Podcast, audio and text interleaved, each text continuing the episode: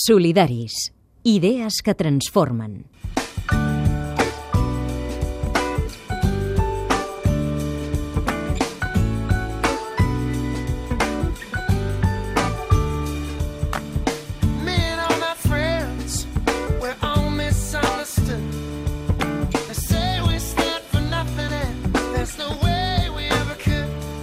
Ara explicaré una cosa. Quan pensàvem com preparar aquesta secció i quin títol li posaríem, se'ns van acudir noms com 50-50, després se'ns va acudir Ni pa ti ni pa mi, i encara al final, ojo com a nom, eh? Feu les paus i fes-li un petó a ton germà, que és una frase molt de mare.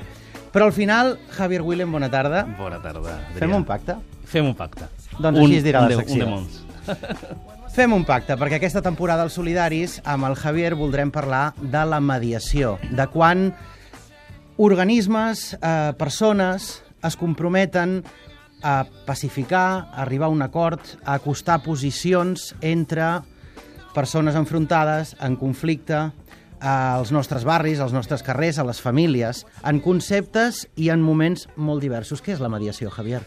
Bueno, la mediació bàsicament per mi és una oportunitat.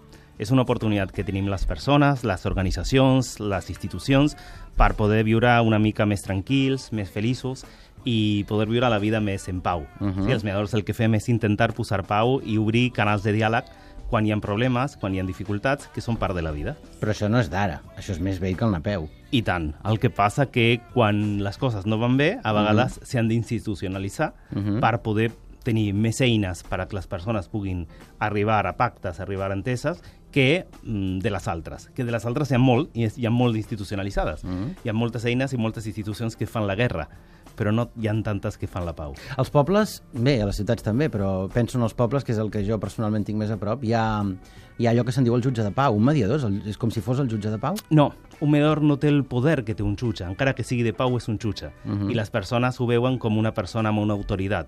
El mediador no té aquesta autoritat, sinó que dona aquesta autoritat amb les, amb les parts, a les persones que estan implicades en, en el conflicte. I la idea és justament que el mediador no sigui una persona rellevant, uh -huh. sinó que sigui una persona que pugui ajudar a obrir un canal d'entesa i de diàleg entre persones que són les protagonistes. Estic pensant, ara fa un moment hem sentit el reportatge de la Marta Molina sobre els manters, Sí. sobre la convivència entre aquestes persones i els llocs on viuen, els pobles on ells venen. Mm. Com la mediació podria ajudar en casos com aquest?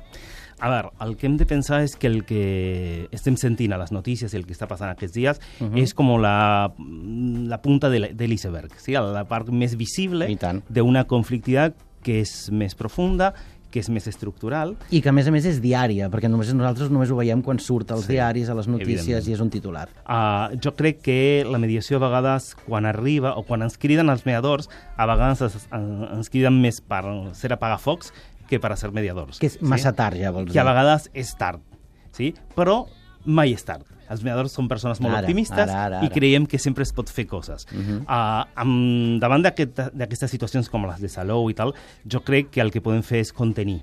Sí? El que podem fer és ajudar a contenir l'escalada de la desigualtat, l'escalada de la conflictivitat, l'escalada de la violència i poder tranquil·litzar a les parts, tranquil·litzar a les persones, tranquil·litzar a tots, poder començar a posar diàleg on les accions que han hagut han sigut altres. Tens casos concrets? Mira, els casos més coneguts al nostre territori són els que han sigut els plans de barris, que han mm. hagut en moltes ciutats, mm. i, i això és una llei que, que hem tingut, que ara està una mica aturada, però és una llei catalana que el que fa és afavorir la construcció de la pau i la construcció del diàleg i la cohesió social en barris que, degradats, amb dificultats, amb complicacions. Nosaltres directament hem fet una experiència que continua ja fa sis anys a Palafrugell, un barri, qual gràcies a la llei de barris hem pogut uh, establir diàleg entre persones que no es coneixien, en un barri en el qual hi ha hagut hi ha persones que venen de 17, 18 nacionalitats i llengües diferents, mm. I el que hem fet des de la mediació és tenir espais de trobada, uh -huh. com per exemple un president de eh, un club de presidents d'escala. Si el que li ha tocat ser president de l'escala que, aquest any, bueno, que tingui un espai per a trobar-se amb altres per compartir eh, uh -huh. experiències.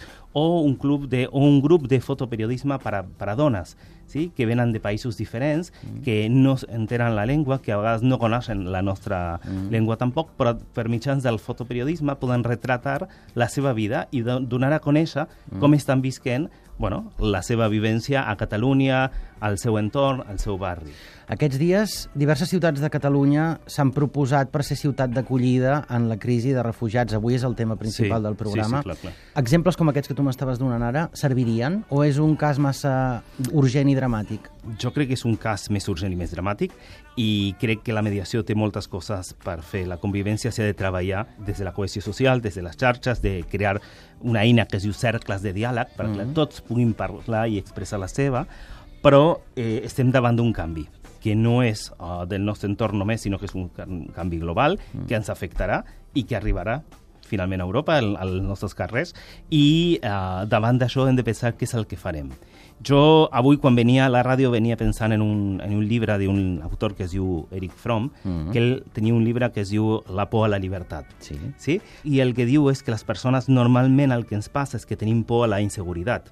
Però ell també diu que és possible ser lliure només quan, i, i baixar aquest, aquesta sensació de- d'inseguretat, quan hi ha treball, quan hi ha feina, quan hi ha amor i quan hi ha sensació de seguretat. I com es fa això? Tenir espais de trobada amb altres. Uh, hi ha Per mecanismes perdre la por. per perdre la por. Sempre hi ha mecanismes que estaran en contra de la llibertat. I ell parla de tres mecanismes molt importants per a tenir clar en aquests moments. Aquesta és la lliçó d'avui, eh, Javier? Sí. Quan hi ha autoritarisme, quan hi ha destrucció i quan hi ha conformitat, la llibertat està afectada.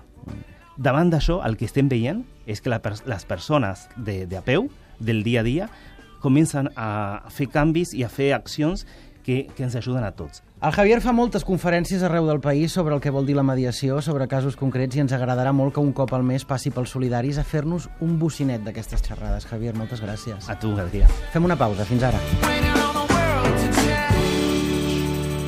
A Facebook, a Twitter i a catradio.cat, Solidaris, amb Adrià Bas.